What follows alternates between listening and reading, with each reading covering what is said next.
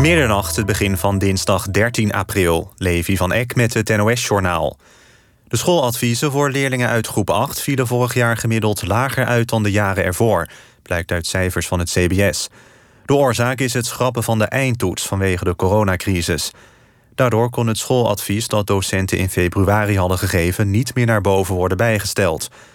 Vooral meisjes kregen een lager schooladvies. Dat komt omdat zij vaker dan jongens een hogere score op de eindtoets halen. Het aantal meisjes met een VMBO-HAVO-advies of hoger daalde vorig jaar met 7 procent.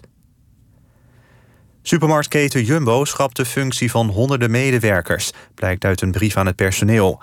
De medewerkers kunnen solliciteren naar een andere baan binnen het concern.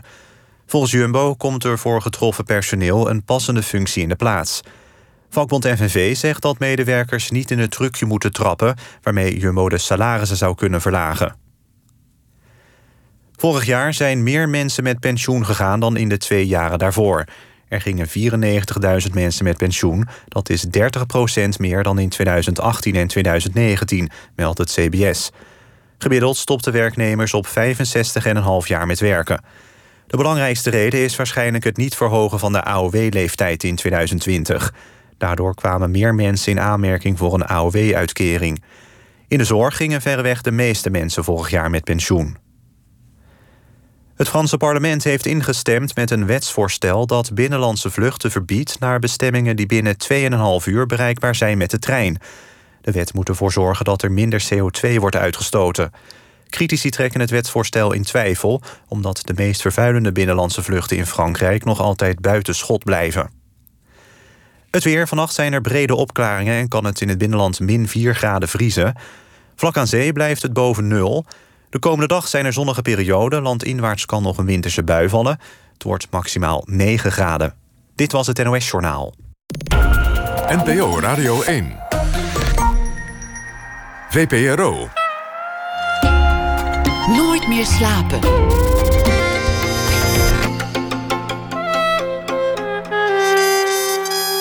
Met Pieter van der Wielen.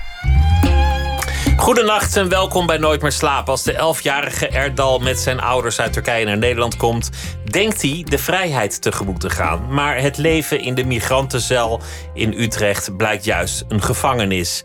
Het boek De Gevangenisjaren zou je kunnen vergelijken met Shawshank Redemption. Denk nou niet, oh leuk, een allochtone schrijver. Fijn, zo'n uh, migrantenboek over een jonge Turk die zijn weg vindt dankzij zijn vastberadenheid en zijn goede cijfers. Dat boek had Erdal Balci, die tegenover mij zit, prima kunnen schrijven. Maar dan had hij zich vermoedelijk precies schuldig gemaakt aan waar zijn aanklacht zich tegen richt. Een aanklacht, want zo heb ik het boek gelezen. Want de cipiers in deze Shawshank van Utrecht-Lombok... dat waren de goedbedoelenden die je terugduwen naar het Turks volksdansen... naar het gerechte uitwisselen en het eindeloos herhalen... van het multiculturele immigratiesprookje. De gevangenisjaren van Erdal Balci is een scherpe, grappige en vooral boeiende roman. Erdal Balci is naast schrijver ook vaste columnist voor de Volkskrant. Hij was jarenlang correspondent in Turkije en hij werd geboren in 1969. Erdal, hartelijk welkom. Dank leuk, je wel. leuk dat je hier bent. Dank u wel. Ik vind het ook hartstikke leuk. Wat, wat, wat moest er gebeuren voor jou om klaar te zijn om dit boek te schrijven? Wat, wat moest je overwinnen? Um, ja, ten eerste, ik moest uh, goed genoeg uh, worden. In het schrijven? Ja, daar heb ik uh, heel lang voor moeten oefenen. Dat, dat, dat, is... Want dit is, dit is je derde dit, roman? Dit is mijn derde roman. En je maar, vijfde boek? Ja, dit, dit heb ik bewust laten wachten heel lang. Um, want ik wilde altijd al een boek maken over de periode dat ik naar Nederland kwam... en ook uh, uiteindelijk uh, op het laatst dus uh, besloten, eigenlijk hals over kop, om Nederland te verlaten. En in het boek noem, ik, noem ik het de ontsnapping.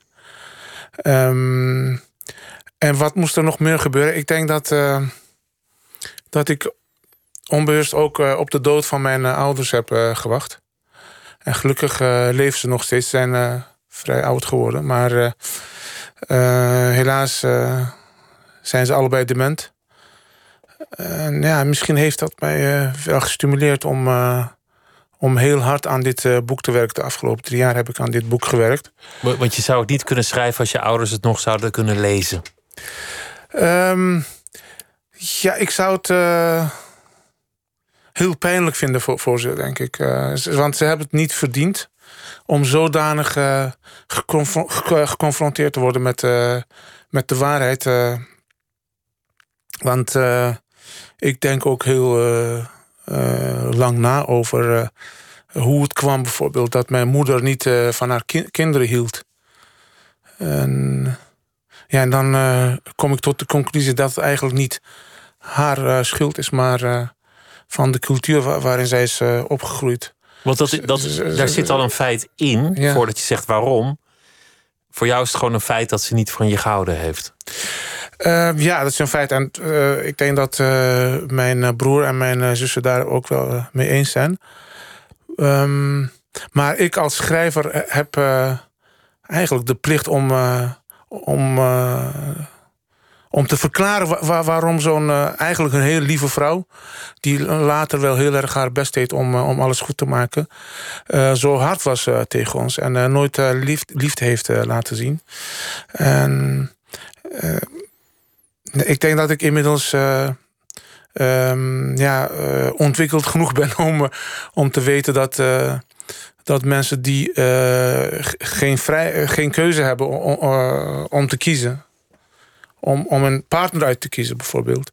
Dat ze dan ook niet in staat zijn om uh, liefde te geven. En mijn moeder heeft altijd geklaagd dat mijn vader eigenlijk niet goed genoeg was voor haar. Dus ze heeft nooit van haar man gehouden. En de bittere consequentie was, was dat ze ook ja,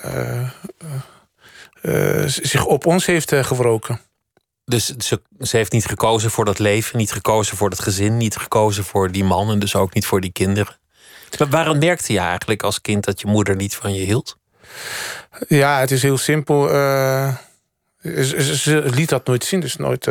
geen affectie. Geen, geen, geen lieve woorden, geen, geen aai over de bol en zo. Dus was, was heel duidelijk. Ja. Wat, wat deed jij tegenover je moeder om om dan toch te provoceren dat ze, dat ze iets van affectie gaf? Of gaf je het gewoon op? Nee, kijk, uh, ik, ik zeg ook in het boek... Hè, slimme kinderen die, die uh, hebben heel snel door dat het, dat, dat onbegonnen werk is. Dus en dan ga je richten op andere zaken. En ehm, ik denk dat kinderen die geen liefde hebben gekregen van hun ouders... ook uh, ja, eindeloos zoeken naar, naar de liefde ergens anders. En dat heb ik ook gedaan. Ik denk dat dit boek ook, uh, ja, ook een zoektocht is naar de liefde. Het verhaal van van de grote zoektocht naar de liefde en naar het geluk. Want um, het is niet alleen de ouders waar je geen liefde van hebt gekregen, maar ja, ik ben uh, ook gaan nadenken over de cultuur waar we zijn opgegroeid. En je zei net ook, we, uh, we, kwamen naar Nederland met de gedachte eigenlijk dat we naar, naar het geluk gingen, naar, naar de, de, de, grote beschaving van, West-Europa en zo. Um, en vrij snel bleek ja, dat we in een soort gevangenis waren terechtgekomen. Want uh, in Aardehan, toen ik uh, nog kind was... dus ik was elf toen ik naar uh, Nederland kwam... en ik kan me heel goed herinneren dat ik als negenjarige, tienjarige jongen... Um, ja, in een soort ideeënstrijd uh, verwikkeld was geraakt. Hè? Want Ardahan was een hele linkse stad. En iets verderop was Erzurum. Dat was dan een hele rechtse conservatieve stad. de, jeugd was eh, het leefde echt in een diversiteit van, van, van ideeën, politieke ideeën, van ideologieën. En ik deed mee als kind. Ik droomde van, uh, de, van de uh, revolutie van de socialisten en zo. En zo'n jongen was ik en zo ben ik dus naar Nederland gekomen. En een jaar later zat ik hier in Nederland, in Utrecht, op de Koranschool voordat ik het door had wat er aan de hand was, dus zat ik op de Koranschool. Het leven waarin je terecht kwam hier, de omgeving was conservatiever dan wat je had verlaten. Ja, veel conservatiever. En uh, ja, je, je komt in een soort uh, stroom terecht. Um, dus, we waren echt omringd door, wat je zegt, cipiers, Turkse mensen die uit de, de uh, conservatieve delen van, van Turkije kwamen. En uh, uh, ze regeerden over ons met hun tongen door, door te roddelen en door slechte dingen te zeggen. En mijn ouders waren heel snel genoodzaakt om, om mee te doen. En, mijn moeder, die, die ik in Turkije af en toe zag zonder hoofddoek... Uh, ja, die, die hield daarmee wel mee op. Dus dat, dat experimenteren van hoofddoek af en zo, dat was wel afgelopen. Heel dus, dus hier in, in Lombok moesten wel een hoofddoek dragen, terwijl ze dat daar niet per se hoefden. Ja, dus we, kwamen echt in een heel streng regime terecht. En, um, en ik denk dat ik uh, vanaf uh, kind al plannen maakte, een, soort, een soort tunnelgroef om ooit uh, uit de gevangenis te komen. Hoe, hoe, zag je dat voor je? Wat, wat was dat voor tunnel? Waar, waar, waar droomde je van? Nou, ik ben. Uh, in Ardahan heb ik wel kennis gemaakt met literatuur, met, met goede films en zo. Dus ik heb Dikke Pillen gelezen van, van Yashar Kemal, de, de, de, de, grote Turkse schrijver. Um, dus ik had wel een basis. En in, in Nederland bleef ik wel boeken lezen. En uh, goede Turkse films uh, uh, keek ik. dus die, die intellectuele activiteiten bleef ik doen. Ik, ik, was elke dag in de bibliotheek en zo. En ik wist dat ik ooit uit die omstandigheden moest komen. Dat ik een soort vluchtplan moest hebben. En daarom heb ik dus ook um, het verhaal van Shawshank verwerkt in het boek. Want zo, zo was het eigenlijk wegkomen uit die strafkolonie uit dat leven waartoe je veroordeeld was. Ja, de, de hoofdpersoon van uh, die, maakt ook uh, echt uh, heel stiekem een, een grootse plan. Hè? En het duurt bij hem volgens mij ook een jaar of twintig voordat hij dat uitvoert. En ja, ik, ik beschrijf het ook als de, de posters van, van de vrouwelijke sterren die hij op de muur hangt. Uh, ik, ik zelf had dus ook uh, posters op mijn, uh, op mijn muur in de kleine kamer. met met wie je praatte? Met Susanna ja. Hofs van, van, van de groep The Bengals? Ja, die, die draaide toevallig net op de radio. die had een grote hit. En, ja. maar, maar daar communiceerde je ook werkelijk mee. Dat was als een soort engel ja, dus een soort, die, die keek. Ja, kleine liefde, zeg maar. een soort, soort hoop. Ja. Maar daarna zien je ook posters van Turkse actrices en zo. Dus, Um... Het is een boek over een, een tiener vol, vol, seksuele verlangens. Het gaat over uh, bezoeken aan prostituees, over fantasieën over, over vrouwen. Maar er staan af en toe ook echt, echt hele persoonlijke dingen in. Bijvoorbeeld het moment dat je zusje sterft. En, en dat je vader eigenlijk op een, op een gegeven moment zegt, zodat jij dat kan horen, of jij, jij hoort dat per ongeluk. Van nou, ik ben wel blij dat ik niet een zoon ben verloren. Ja, um, ja, die, zus was een uh, halve moeder uh, voor mij. Ze, ze is uh, verongelukt. En laatst vroeg iemand aan mij... ja, wanneer had je door dat het menens was? En ja, toen dacht ik... eigenlijk op het moment dat mijn vader en zijn vrienden ook... Want hij zei dat tegen, tegen zijn vrienden. Die, die hadden gehoord dat uh, in Ardahan... destijds kon je niet zo makkelijk uh, communiceren met, uh, met ons stadje in Turkije... dat men daar zei dat niet een dochter, maar een zoon van hem was overleden.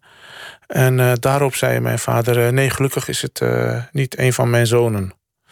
En ja, toen, toen was de schok enorm natuurlijk. Ik dacht, ja... Dat er een hiërarchie tussen kinderen bestond. Ja, dat, dat, wij dus dat onze levens op een weegschaal uh, worden gezet. En uh, dat dan mijn leven zwaarder weegt dan die van mijn uh, lieve, lieve zus. Ja, dat was misschien een enorme eye-opener. Van ja, dit is eigenlijk. Um, ja, hier, hier moet ik weg. Dit is niet de cultuur waar ik in wil leven omdat een vrouw lager staat op de ladder dan een man. Ja, en, uh, en het lastige was, je, noemde net uh, de, de, het hoerenbezoek en zo. Uh, ja, ik was 15, misschien net 16 toen, toen ik met een paar vrienden naar, naar de hoeren ging in Amsterdam. En ja, op de terugweg naar huis in de trein waren we allemaal stil. Um, alle vieren hadden wij onze eigen uh, kwesties, denk ik. Jullie eigen zonde begaan, ja? Ja, en ja, toen dacht ik ook van... eh, ja, mijn zus eh, wilde een week geleden op schoolkamp. En mijn vader vroeg mij van... ja, mag zij op schoolkamp? Want jij kent Nederland goed. Is dat wel verantwoord? En toen heb ik gezegd...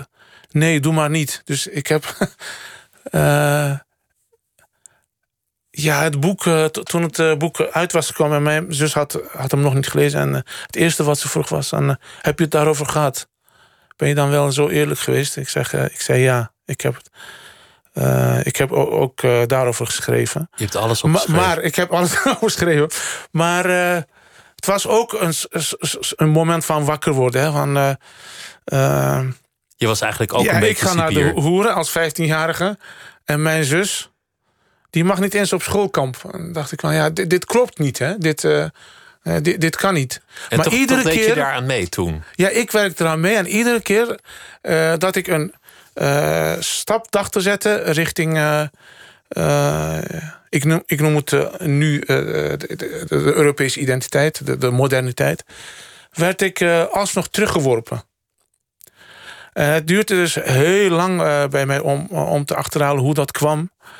En ik moest daarvoor eh, ja, eigenlijk Spinoza lezen. Dus... eh, ehm, en in dit boek eh, neemt Spinoza mij ook aan de arm hè, om, om die vlucht tot een succes te maken. Want, want de mensen die jou terugduwen, dat zijn eigenlijk ook vaak Nederlanders. Ja. Nederlanders die jou heel graag zien in die rol van zoon van een gastarbeider of van een buitenlander.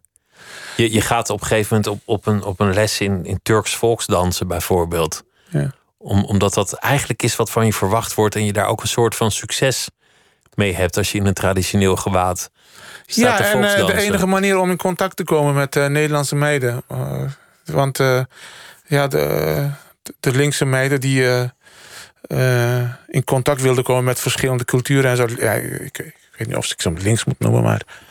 Dus die meiden die voor. Die voor eh, die, die misschien eh, Nou ja, extra geïnteresseerd wa- waren in Oosterse culturen. Vermo- vermoedelijk, als, als het cliché een beetje klopt, waren die wel links. Ja, maar, eh, maar niet alleen zij hoor. Dus ook op school. toen ik ging studeren en zo. Ik, ik, toen ik als freelancer ging werken als journalist. Eh, werd ik ook alleen maar eh, ingezet eh, voor, verhalen over allochtonen. Dus ja, ik zeg ook, kijk, die, die Turkse gemeenschap, dat waren wel de cipiers die, die ons in de gevangenis hielden. Maar ik dacht dat ik was ontsnapt aan die gevangenis.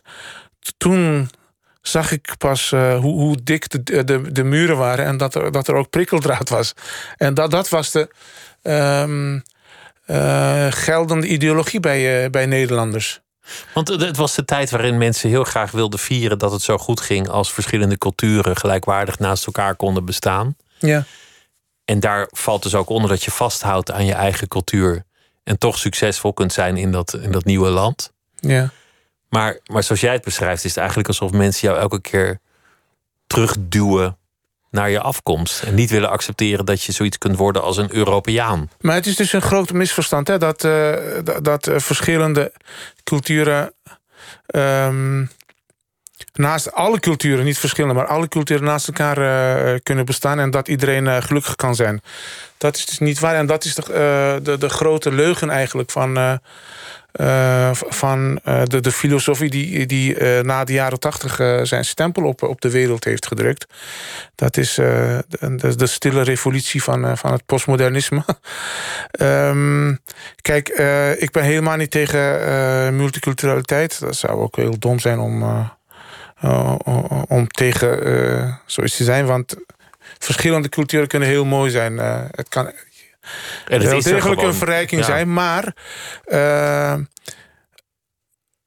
je mag eh, onderontwikkelde achterlijke culturen ook geen vrijbrief geven om eh, het kind, het individu en de vrouw te onderdrukken.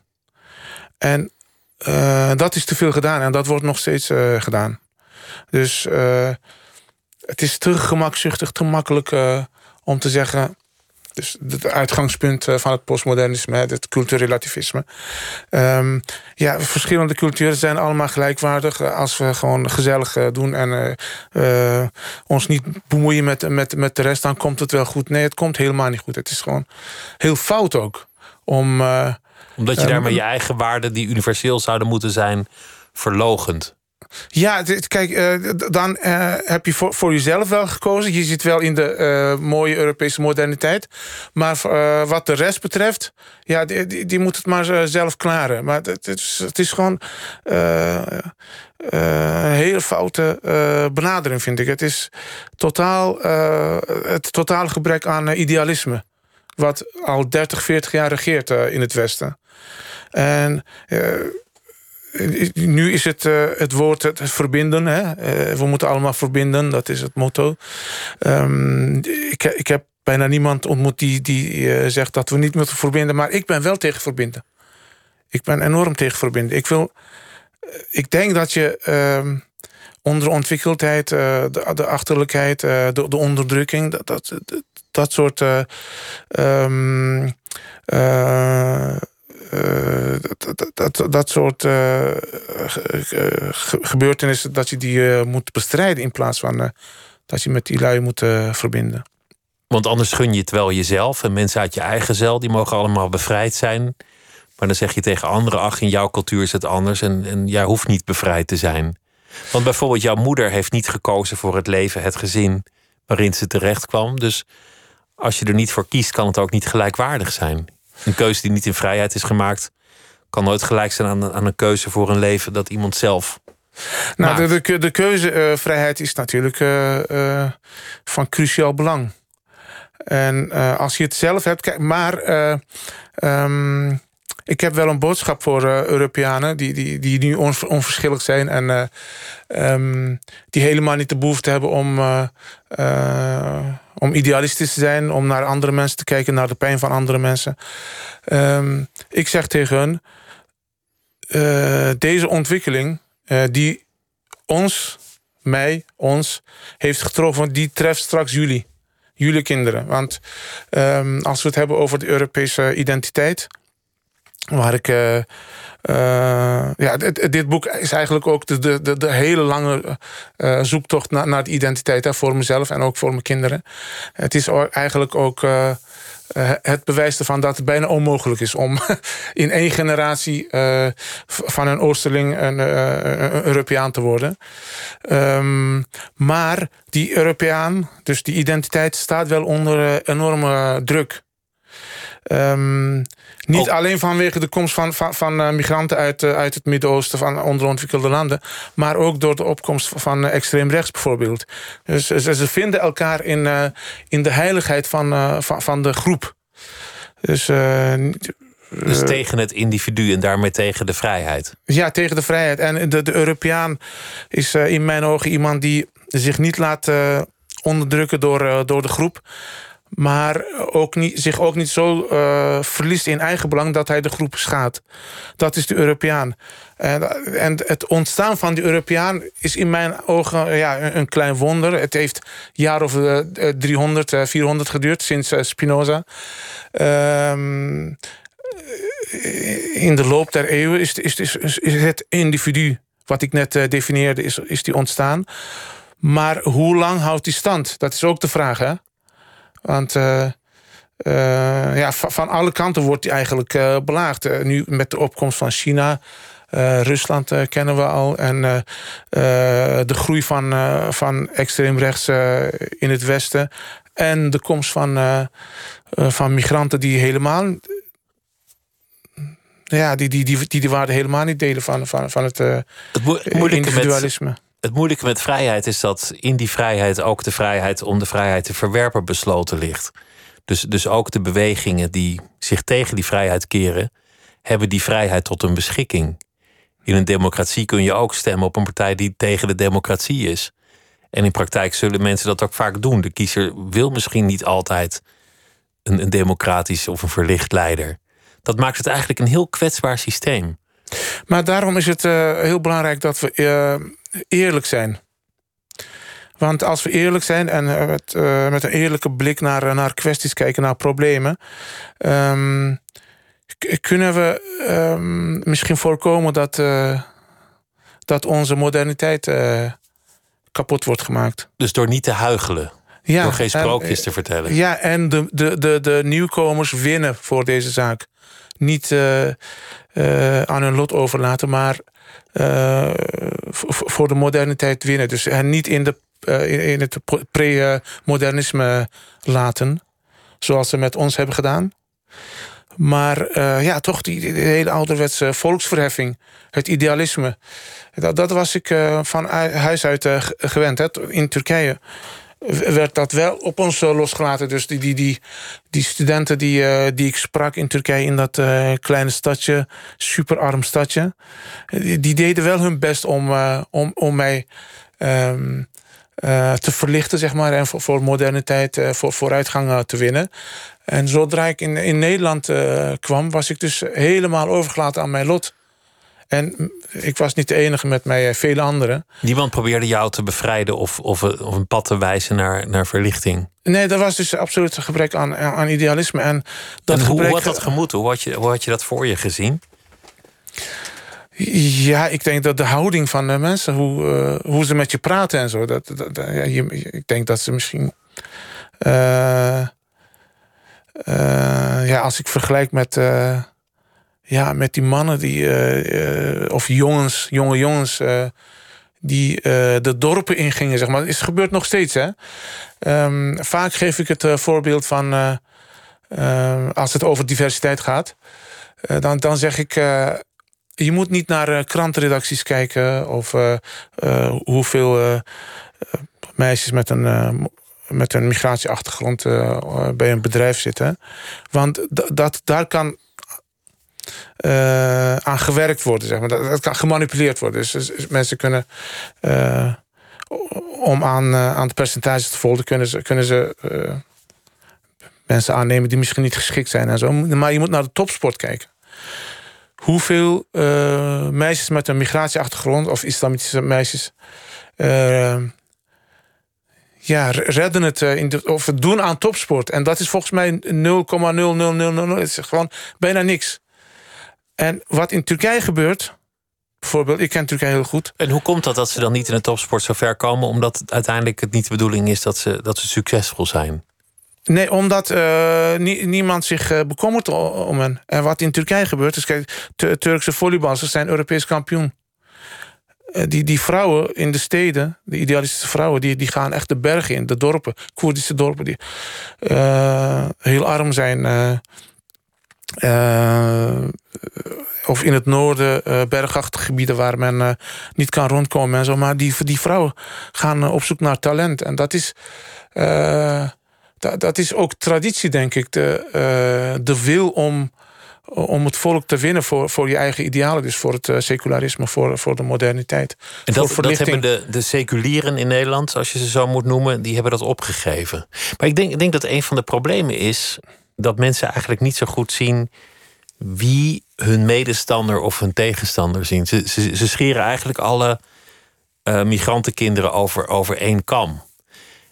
Ja. Laat, ik toelichten wat ik, wat ik bedoel. Er was nu weer een relletje over uh, een zekere omroep die een, een truitervlogger uh, in dienst had genomen en weer ontslagen. Die zich schuldig zou maken aan het shamen van te verlichte vrouwen online. Iets wat niet past bij de ideologie van de club. Maar toch was er toen bij het aannemen een soort idee van: nou, we, we dragen ons steentje bij, we doen aan diversiteit. Een soortgelijk voor, voorbeeld zie je ook bij GroenLinks, die dan iemand op de lijst heeft staan op een hoge plek, waarvan wordt gedacht dat hij helemaal niet past bij de ideologie van, van GroenLinks, want niet verlicht. Ja. Het, het lijkt wel alsof, alsof er eigenlijk, als het gaat over mensen met een migrantenachtergrond, helemaal niet goed gekeken wordt, past iemand ideologisch bij ons. Nee, ik denk dat het niet zo makkelijk is. Vaak wordt gezegd dat, dat, uh, uh, dat linkse mensen in Nederland naïef zijn... en uh, dat ze te goedgelovig zijn en dat ze het daarom doen. Maar daar geloof ik niet in. Ik denk dat zij een keuze hebben gemaakt. Dat ze een voorkeur hebben? Ja, dat ze een voorkeur hebben. Dat, dat ze hebben besloten wie hun medestanders zijn. En dat zijn helaas niet de, de seculieren, de, de, de modernisten uit diezelfde gemeenschappen... Maar wel uh, mensen met een geloof, met een hoofddoek of met uh, orthodoxe ideeën. Waarom, waarom zouden dat hun medestanders zijn? Ja, soms denk ik dan, uh, dan denk, ga, ga, ik heel stout denken. Dan denk ik van, misschien hebben ze toch voor zichzelf uitgemaakt dat, uh, dat de grote finale tussen uh, gemeenschappen nog gespeeld moet worden. Dus tussen. In de hele wereld moet dat nog gebeuren. Hè? Dus de, de, grote finale tussen de seculiere en, en de religies. Dat dat ook gaat plaatsvinden. En dat ze misschien denken dat ze veiliger zitten bij, bij, bij de religieuzen straks. Oh, dat is een, inderdaad een wilde theorie die je nou ja, bezig... Ja, misschien is het gewoon een heel, heel, heel domme theorie. Maar ja, ik, ik probeer het te verklaren. Ja, waarom word ik nooit benaderd door niemand? Ik schrijf nu vijf nou ja, jaar... Je hebt, je hebt, een column in de Volkskrant, dat is toch heel chic? Dat is een mooi podium. Ja, dat is wel een heel, heel goed podium natuurlijk. maar in die vijf jaar dat ik die column schrijf... ben ik nooit door beleidsmakers benaderd... of door, door instellingen of door omroepen van ja, wat kunnen we doen met die diversiteit en zo. Mij hebben ze omdat jij te verlicht bent en dat, dat vinden ze dan misschien ja, spannend. niet alleen ik, maar ook bij uh, GroenLinks bijvoorbeeld dat uh, de, de vrouwen die, die verlichte vrouwen die ik ook ken in dezelfde partij, die, die het ook heel goed hebben gedaan in de partij. Twee ervan ken ik heel goed, een Koerdische vrouw en een Turkse vrouw, die, die zaten op de, de op plek 30 en 35 of zo. Dus uh, ja, men, men, heeft echt een keuze gemaakt om, om verder te gaan met, met, religie. En dat is ook een voortvloeisel van, van de stille postmoderne revolutie. Hè. Ik, ik, het postmodernisme is in mijn ogen toch ehm, een, een reddingsboei die, die, die naar de religie is gegooid. Postmodernisme zegt alles is gelijk, er is niet één waarheid. Dus jullie geloven in Allah en dat is ook goed. Wij geloven hierin, dat is ook goed. Ja, laten we daar een mix van maken. Maar het, is, het was wel een, een uh, manier om, uh, om religies uh, die, die het zwaar hadden in de jaren 60 en 70... ja, toch een reddingsboei te gooien. Om, om ze uit, misschien uit een verloren positie weer terug te halen. Um, uh, ja, we hadden het over de politiek, dus over uh, wat GroenLinks doet en wat die omroepen doen en zo. Dus dat ze niet uh, bij ons ko komen. Het is. Ze, het, het, ze, ze, geloven echt in, in die ideologie. En dan er zit, is het niet alleen maar naïviteit, een... zeg maar. Dat, dat, dat, dat, het, er zit ook een soort reddingsfantasie in. Hè? Want het is vaak zo dat, dat door een groep als een soort slachtoffer te bestempelen... en jezelf als de redder van het slachtoffer... maak je iemand eigenlijk klein. Het lijkt heel aardig om te doen... Als ik nu tegen jou zeg, Erdo is een slachtoffer, maar gelukkig heeft hij mij nog.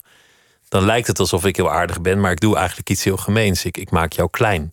Ja, dat is het paternalisme. Hè? Dat, is, uh, dat komt heel uh, vaak terug uh, in mijn boek. Um, maar, maar je, je, kan ook kiezen wie je als slachtoffer uitkiest. Dus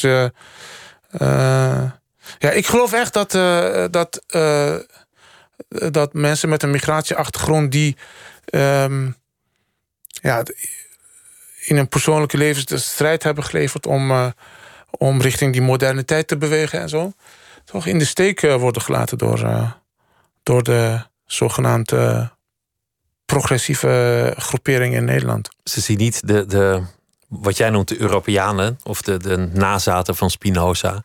Nee, maar tegen kun je niet eens beginnen over uh, de, de, Europese identiteit en zo. Ik denk niet dat ze dat soort uh, zaken willen horen. Lale Gül, die, die, die heel veel in het nieuws is en uh, die een, een, boek heeft geschreven dat, dat heel veel aandacht heeft gekregen, die zei op een gegeven moment in een interview, ik geloof zelfs in dit programma, dat, dat ze in de, in de moskee kwamen flyeren voor, voor linkse partijen. En dat ze dacht, waarom, waarom, waarom helpen jullie mij eigenlijk niet? In plaats van hier stemmen te werven. Ja, ik zag haar uh, toevallig gisteren op tv, uh, zo'n uh, gezellig, gezellig programma. over satire en zo. Dat is met Katja Schuurmans. en daar had ze het over de Disney-films. En zij zei dat ze nooit naar Disney-films heeft gekeken. Dat ze naar Turkse films keek toen ze kind was. Ik schrok daar wel van. Omdat Disney zo universeel wordt ja, kijk, uh, ik ben naar, uh, na 16 jaar, of na, na 18 jaar ben ik teruggegaan naar Turkije om, ik zeg ook in het boek, ik ben de eerste Europeaan, of de, de eerste mens die Europa heeft moeten ontvluchten om een Europeaan te worden. Ik ben naar de grote stad in, in Turkije gegaan. Ehm, met het doel dus om, om mij op te werken tot een Europeaan. En dat wilde ik. Uh, daarbij had ik de assistentie van, van de andere Europeanen in Turkije nodig. Dus uh, Turken die, uh, die, die in mijn ogen Europeanen zijn. En ja, ik heb twee dochters. En die dochters van mij zijn in Istanbul en in Ankara met die Disney-films en met Um, Big Bang Theory en zo, dat, dat soort series. Uh, daarmee zijn ze opgegroeid. toegang en, en dan is het voor mij best wel, uh, best wel uh, verbazingwekkend dat La Legou bijvoorbeeld in het centrum van, van West-Europa in Amsterdam nooit naar de Disney-films heeft kunnen kijken. Dat is echt heel triest. En ja, des te groter mijn bewondering voor haar dat, dat ze dat ze ja, die stap heeft kunnen zetten om, om eruit te komen, om dat boek te schrijven. Misschien moeten we eigenlijk helemaal niet praten in termen van Europees of niet Europees, maar moet je gewoon zoeken naar ideologisch verwantschap. Je ideologische verwantschap met, met een, uh, iemand in, in Ankara kan veel groter zijn dan je ideologische verwantschap met iemand die twee straten van jouzelf verwijderd woont. Ja, dat klopt. Maar ik wil die, die ontwikkeling die dus eeuwenlang heeft geduurd en uh, die, tot het individu heeft, uh, het vrije individu heeft geleid, wil ik niet. Over het hoofd zien. Hè. Dan, en noem niet ik het liever, nee, ja, niet opgeven. Dan noem ik het toch liever een Europeaan. Want um, ja, in het uh, uiterste oosten van, van Turkije, in Egypte en zo, heb ik met mensen gesproken waarvan ik dacht. Ja, groot respect. Deze man of deze vrouw, die, die heeft in deze omstandigheden. is hij een groter Europeaan geworden dan, dan, dan ik, bijvoorbeeld. En de, de, Europeaan is volgens mij niet uh, continentgebonden. Het is niet uh, als je in, een bepaalde regio woont dat, dat je dan Europeaan bent. Maar volgens mij uh, zijn Europeanen overal. Het gaat over, over de idealen van secularisering, individuele ontplooiing. Voor wie het inschakelt, Erdal Batsi is hier en hij heeft een, een, een, boek geschreven. De gevangenisjaren. Hij is ook columnist voor de Volkskrant. En dit is zijn belangrijkste roman tot nu toe. We hadden het over het opgroeien. Dat je als jongetje dacht, nu ga ik naar de vrijheid. Maar dat het een gevangenis bleek. En dat je eigenlijk als jongetje dacht, ik moet zien te ontsnappen op de een of andere manier. Maar iedereen bleek cipier en duwde jou terug die zeil in. Je, je zei net van ik, ik moest naar Turkije gaan om uiteindelijk die vrijheid te vinden. Je begon hier als journalist. Hoe, hoe kwam het eigenlijk dat je, dat je dacht dat je journalist moest worden? Wanneer heb je dat in je hoofd gehaald? Ja, ik, uh, ik wist altijd al dat ik uh, schrijver wilde worden. En, um, als kind al? In ja, als kind al. Toen maakte ik al gedichten en zo. Heel, heel cliché. Maar, um, en ik las veel. En ik dacht, uh, ja, als journalist kan ik wel oefenen in het, uh, in het schrijven. En ik ben nooit een goede journalist geweest. Hè. Um, dat hangt er vanaf wat je een goede journalist vindt. Ja, dus, ik, ik was ik bleef eigenlijk de, de, de literatuurschrijver. Ook in die kleine stukken en zo. Uh, ja, in het boek uh, ga ik er ook op in hè, uh, dat ik best wel veel moeite had met die 5 W's en 1 H. En telkens. Wat, wat, is het ook weer? Wie, wat, waar en ja, hoe? Dit, ja, ja. Um, dat je in één alinea de, de, antwoorden op die wie, wie, wat, waar en hoe en zo uh, moet beantwoorden. En dan kom ik met het uh, antwoord, uh, of met het voorbeeld van, van die skinhead die, die, die mij in het buurthuis bijna doodschoot. Hij, hij drukte een pistool op mijn hoofd. Um, en dan ja, maak ik daar eerst een journalistiek kort berichtje van. En om later in het boek uit te wijden over uh, wat ik voelde. En da daar gaat het bij, bij mij om. Hè. Dus dat ik, uh, en dat laat zich eigenlijk niet vatten in, in, in die W's en die H. Ja, dus dat, Want... dat heb ik in mijn journalistieke loopbaan heb ik, heb, heb, ik toch ja, de, de, de literaire aanpak heb ik nooit losgelaten. Um, en toen ik die, die column kreeg bij de Volkskrant. Um, ja, was mijn doel om toch de, de zeggingskracht van literatuur. om, om daar gebruik van te maken om de actualiteit te duiden.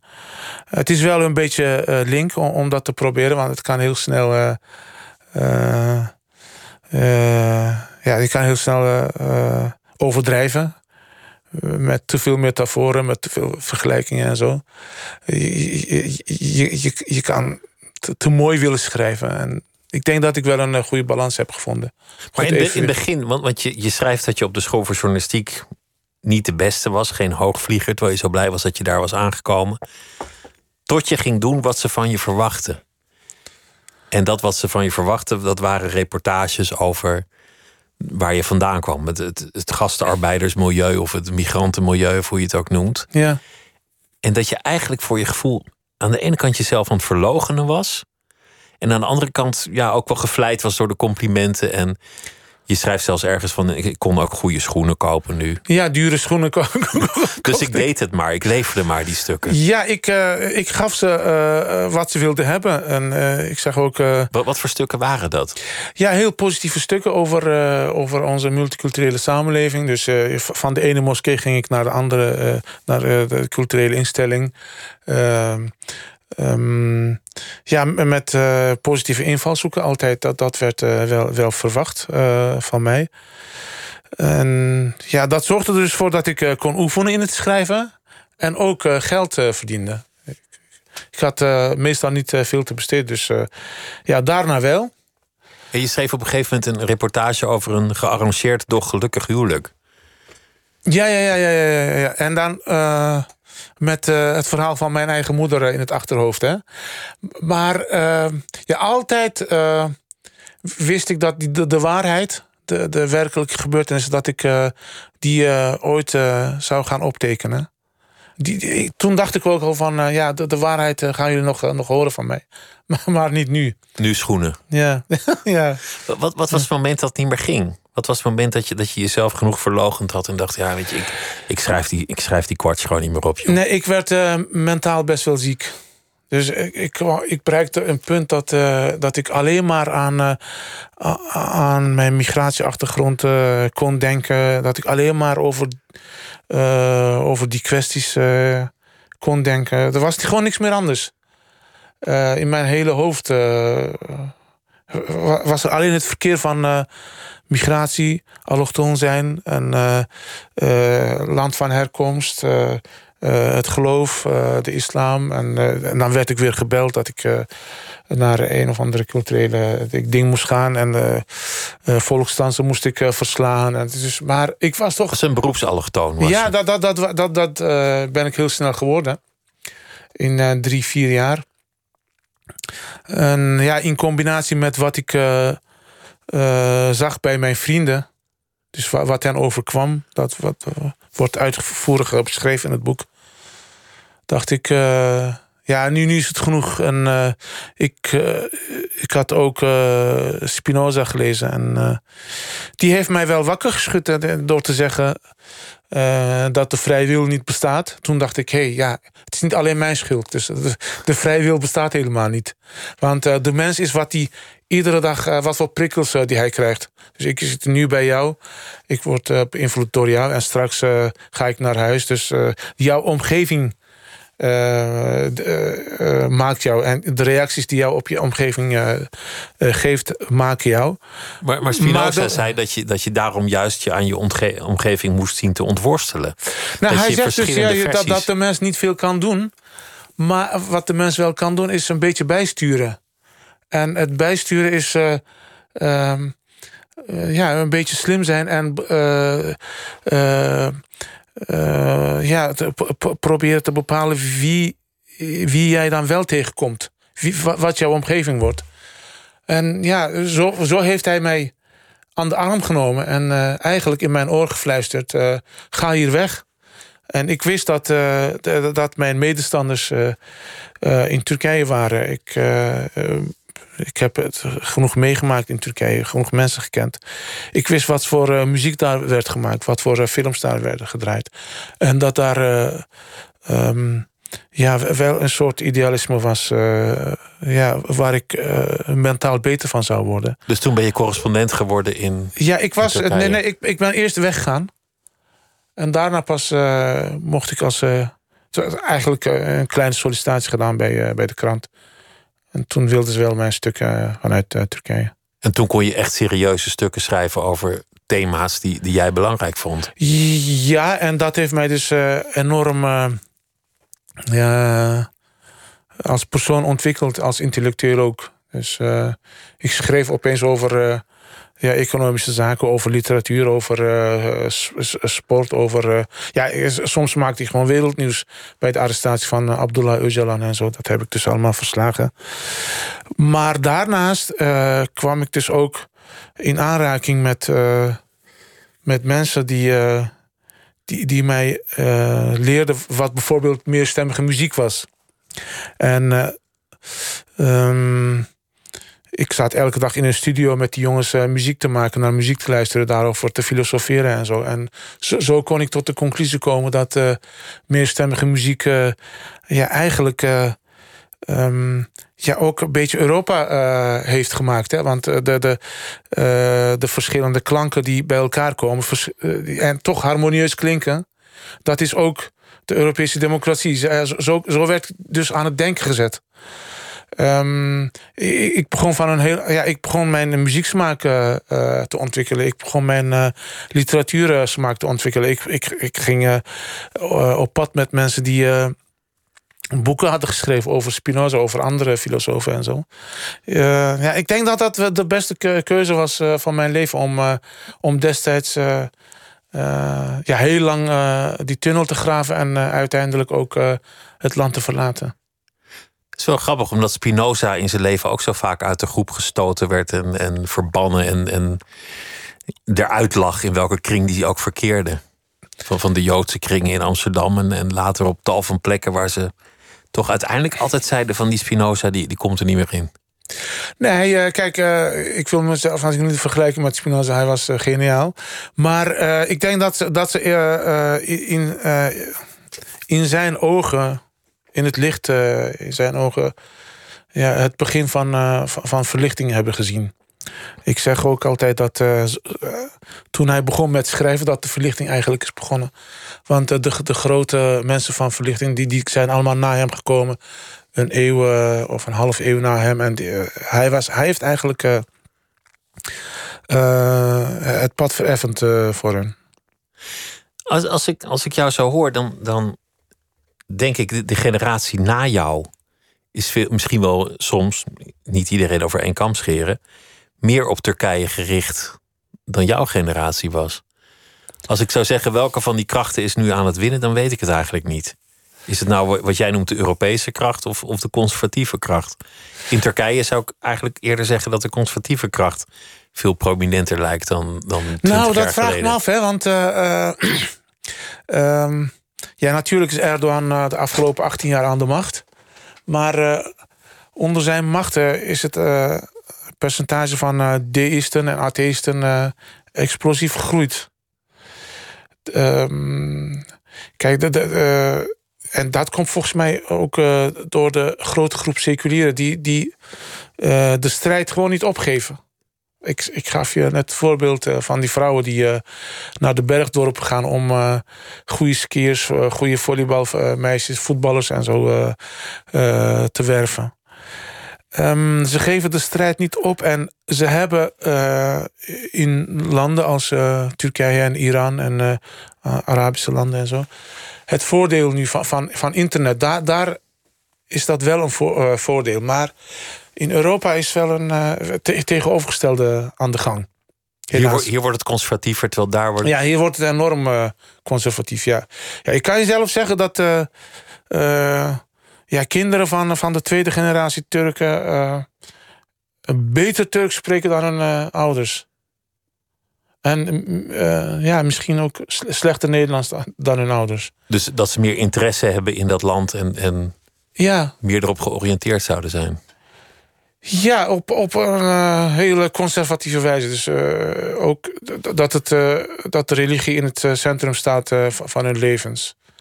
Dat, dat,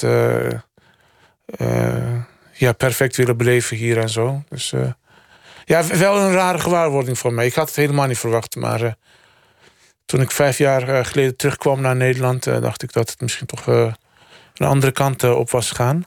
Het is altijd moeilijk dat te bepalen wat conservatief is en wat niet, omdat je altijd de factor hypocrisie hebt. Je weet niet wat er gebeurt als jij niet kijkt.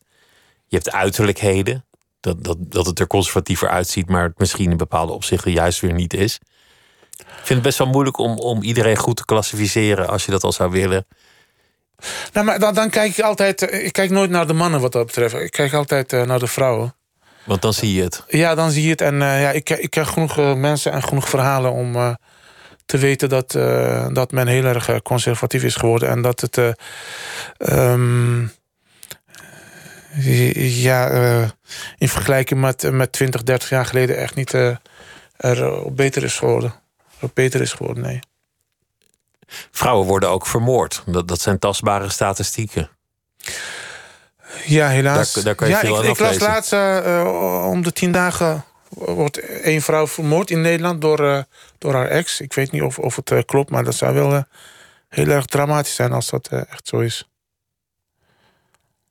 Je hebt, je hebt ook niet zo lang geleden nog gedemonstreerd, toch? Dat, dat, dat had ook met vrouwen te maken. Wat ja, was dat, dat was uh, de, de, in Den Haag. Uh, heb ik een, het, voor het eerst in mijn leven een toespraak gehouden bij een demonstratie over uh, de, de afschaffing van het Istanbul-verdrag in, in Turkije door Tayyip Erdogan.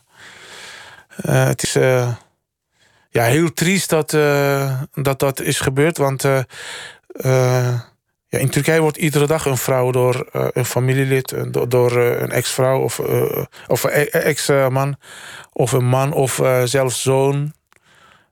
elke dag sneuvelt een vrouw. En ja, ondanks die omstandigheden, dat verdrag afschaffen, ja, zegt wel wat. Ja, ze zeggen nu wel aan, ja, wij hadden dat verdrag al tien jaar. Het heeft niet veel veranderd, maar dat verdrag was wel een hoop op, op verandering. Nu, nu zijn ze helemaal aan hun lot overgelaten. Je, je, vertelde dat, dat als je moeder niet van je houdt, dat je vanzelf op zoek gaat naar liefde en dan elders. En dat is een van de, van de rode draden in je boek. Een jongen die ja, op zoek is naar seks, maar eigenlijk naar liefde. Die gewoon hoopt dat iemand zich over hem ontfermt. Hoe is dat in, in jouw leven gegaan? Waar, waar heb je liefde uiteindelijk gevonden? Nou, kijk, ik heb eerst. Uh, Levi van Eck met het NOS-journaal. In plaats van. Uh, Oh, Leefje moet even een knopje dicht doen, want hij is uh, oh. op zender. Ik heb dat geeft niet. Maar vertel verder gaan, ja? ja. Uh, um, ik heb eerst in plaats van, van de liefde, de, de grote liefde die ik zocht, vooral bij Floor, hè, die, dat personage. Um, bij haar heb, heb ik eerst de, de eerlijkheid gevonden. En dat was heel waardevol. Dus uh, zij was uh, de enige eigenlijk die, uh, um, ja, die, die tegen mij zei dat ze, als ze teruggesteld was in mij, dat ze dat ook zei. Dat ze, die jou uitdaagde. Die uitdaagde en ze zag mij volksdansen en dan zegt ze, nou ja, wat doe je met een drollenvanger te huppelen daar en zo. Dus ja, op dat moment vond ik het verschrikkelijk, maar ze, ze, ze ja, zette me wel aan het denken. E-, eerst heb ik dus dat gevonden de eerlijkheid. En ik, ik hoop dat, uh, uh, dat mensen uh, ja, hun eigen floors vinden in, in het leven. Iemand die eerlijk is, die, die misschien lijkt alsof die je de maat neemt. Ja, die heel hard lijkt. Heel. Um, uh, ja, genadeloos ook. Maar als er een tijd overheen gaat, als je, dat, als je dan denkt van ja, ze heeft, ze heeft wel een punt. Wat doe ik dan met een drollenvanger te, te, huppelen? Heb ik hiervan gedroomd? Wilde ik dat? En ik was toch die jongen in Turkije die over, over vooruitgang droomde. En uh, verlichting wilde voor zichzelf en voor, voor, uh, voor zijn dierbaren en zo. En vrouwrechten wilde voor, uh, voor de zussen. Ik was toch die jongen die toen ze om de hand van mijn 14-jarige zus kwamen vragen. Zij, was, zij is toen uitgehuwelijkt op haar 14e. Ik was die jongen die stenen gooide naar, naar die mensen. Dus ik was best wel een. ja, een. Rebel. Ja, een rebel in hart en nieren. En wat is er van mij geworden? Ik sta hier te, huppelen in een drollenvanger. En gelukkig had ik dus die, die Floor die, die dat allemaal zei tegen mij. En ja, natuurlijk wilde ook uh, seks met haar. Maar gelukkig heeft ze mij in plaats van die seks uh, die eerlijkheid gegeven. En uh, mij aangezet tot, tot, tot die ontsnapping. Dat heb ik dus eerst gevonden. En, uh, uh, ja, en die zoektocht naar, naar, naar liefde, dat blijft natuurlijk. natuurlijk. Het is van mensen die zonder moederliefde zijn opgegroeid. Kijk, ik heb nu wel een vrouw die heel lief is hoor. Die is echt een, mij, behalve de, de, de, de, normale liefde ook de, eigenlijk ook de moederliefde gunt. Zo, zo zitten ze gewoon in elkaar. Um, en het bepaalt ook hoe je naar je eigen kinderen kijkt. En um, als ik. Uh, ja, ik zeg altijd. Uh, um, ja, er zat een monster in mij. Um, uh, van een monster van feodaliteit, van achterlijkheid, van jaloezie en zo. Ik heb geprobeerd om, om die dood te maken en zo, maar volgens mij leeft hij nog steeds ergens. Die, die zit gewoon ergens op zijn kans te wachten. En als ik uh, mijn uh, twijfels heb, kijk ik altijd naar mijn uh, twee dochters. Om te checken of ze nog vrij zijn. Of ik ze niet beperk. Omdat je ook bang bent voor de demonen in jezelf. Ja, van en, de cultuur waar je ja, uitkomt. En mijn dochters zijn nog steeds gelukkig vrij. En ze zijn vrijer dan, dan ik destijds was. Dus dat is wel een goede graadmeter voor mij. Want jou, jouw dochters zijn van een, een, Turkse moeder, maar je hebt, je hebt nu een Nederlandse vrouw, toch? Ja, en van haar heb ik een uh, zoontje. Heb je, heb je een zoon? Ja. En waar, waar zijn jouw dochters nu? Die zijn, die zijn naar Nederland gekomen uiteindelijk. Ja, ze, ja, ze zijn. Uh, uh, zij eiste, of de, de, oudste dochter van mij eiste dat we naar Nederland gingen. Toen het te erg werd met met de islamisering van het land. En dat toen Erdogan die verplichte religielessen invoerde en zo. Ze, ze wilde, ze, ze zei, uh, ja, wij hebben ook recht op, uh, op een studie in Europa en zo. Dus toen ja, was, het, was het duidelijk dat we moesten gaan. Maar daarna werd, mijn, werd die andere dochter ernstig ziek. Um, en toen zijn we ja, hals over kop naar Nederland gekomen, omdat zij goed behandeld moest worden. En sindsdien ben je hier. Het is wel interessant dat mensen die opgroeien in een wereld waar een ideaal dominant is, de nadelen ervan zien of er vaak op afgeven of vaak een soort idealisering van een andere cultuur gaan, uh, gaan plegen. Terwijl jij als nieuwkomer in dit land, omdat je hier niet geboren bent, dat ideaal zo, zo heilig en hoog hebt staan. Het Europese verlichtingsideaal. Veel, veel van die personages in je boek die, die, die snakken eigenlijk naar dat, dat Turkije. Die idealiseren dat heel erg. Van, van die Nederlandse vrouwen op volksdansles die zeggen van ja, jullie hebben nog familiebanden of. Ja, maar ze hebben het warmer. mis, Pieter. Ze hebben het echt mis. mis. Uh, ja, het is nu ook uh, uh, heel erg in de mode om, om het over identiteit te hebben. En er wordt gepraat over en geschreven over gelaagde identiteiten. Hè? En, talloze identiteiten, daar, daar, heeft het, daar heeft men het over. Um, en ik weet dat er eigenlijk een Europese identiteit is. Wat ik net uitlegde, van, uh, de definieerde. Het individu dat zich uh, niet, laat on, niet laat onderdrukken door, door de groep. Maar zich ook niet zo verliest in, in eigen belang. Um, je hebt dat en je hebt de rest. En als je zegt, ik heb verschillende identiteiten, heel veel identiteiten... dat betekent dat jij eigenlijk een lafaard bent. die, die geen afscheid durft te nemen van van de neef die bij de grijze wolven zit... of uh, de jihadist die, die, die familie is van jou. Je wilt met iedereen uh, vrienden blijven. En uh, ja, ga je eigenlijk een beetje verstoppen achter... achter, achter dat, dat, dat, dat soort theorieën van verschillende identiteiten. Nee, je hebt het individu dat zich dus niet laat, niet, niet laat onderdrukken... Door, door de grote groep. Ben je dat of ben je dat niet? Dat, dat is de grote vraag. Een eenduidig antwoord is het. Dank je wel dat je langs wilde komen. Het was me groot genoegen om met je te praten. En het was me groot genoegen om je boek te lezen. Erda Balci, dank je wel. Jij ook, dank. En dit was Nooit meer slapen voor deze nacht. Morgen Jan Jansen van de Schoenen. Hij zit al 60 jaar in het vak. En we gaan praten over wat er allemaal gebeurt aan de voet. En zometeen Miss Podcast op NPO Radio 1. Goeienacht en tot morgen.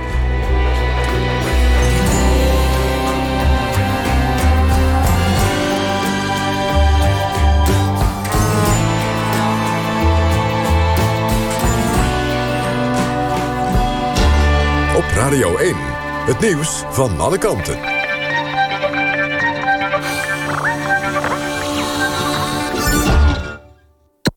NPO Radio 1.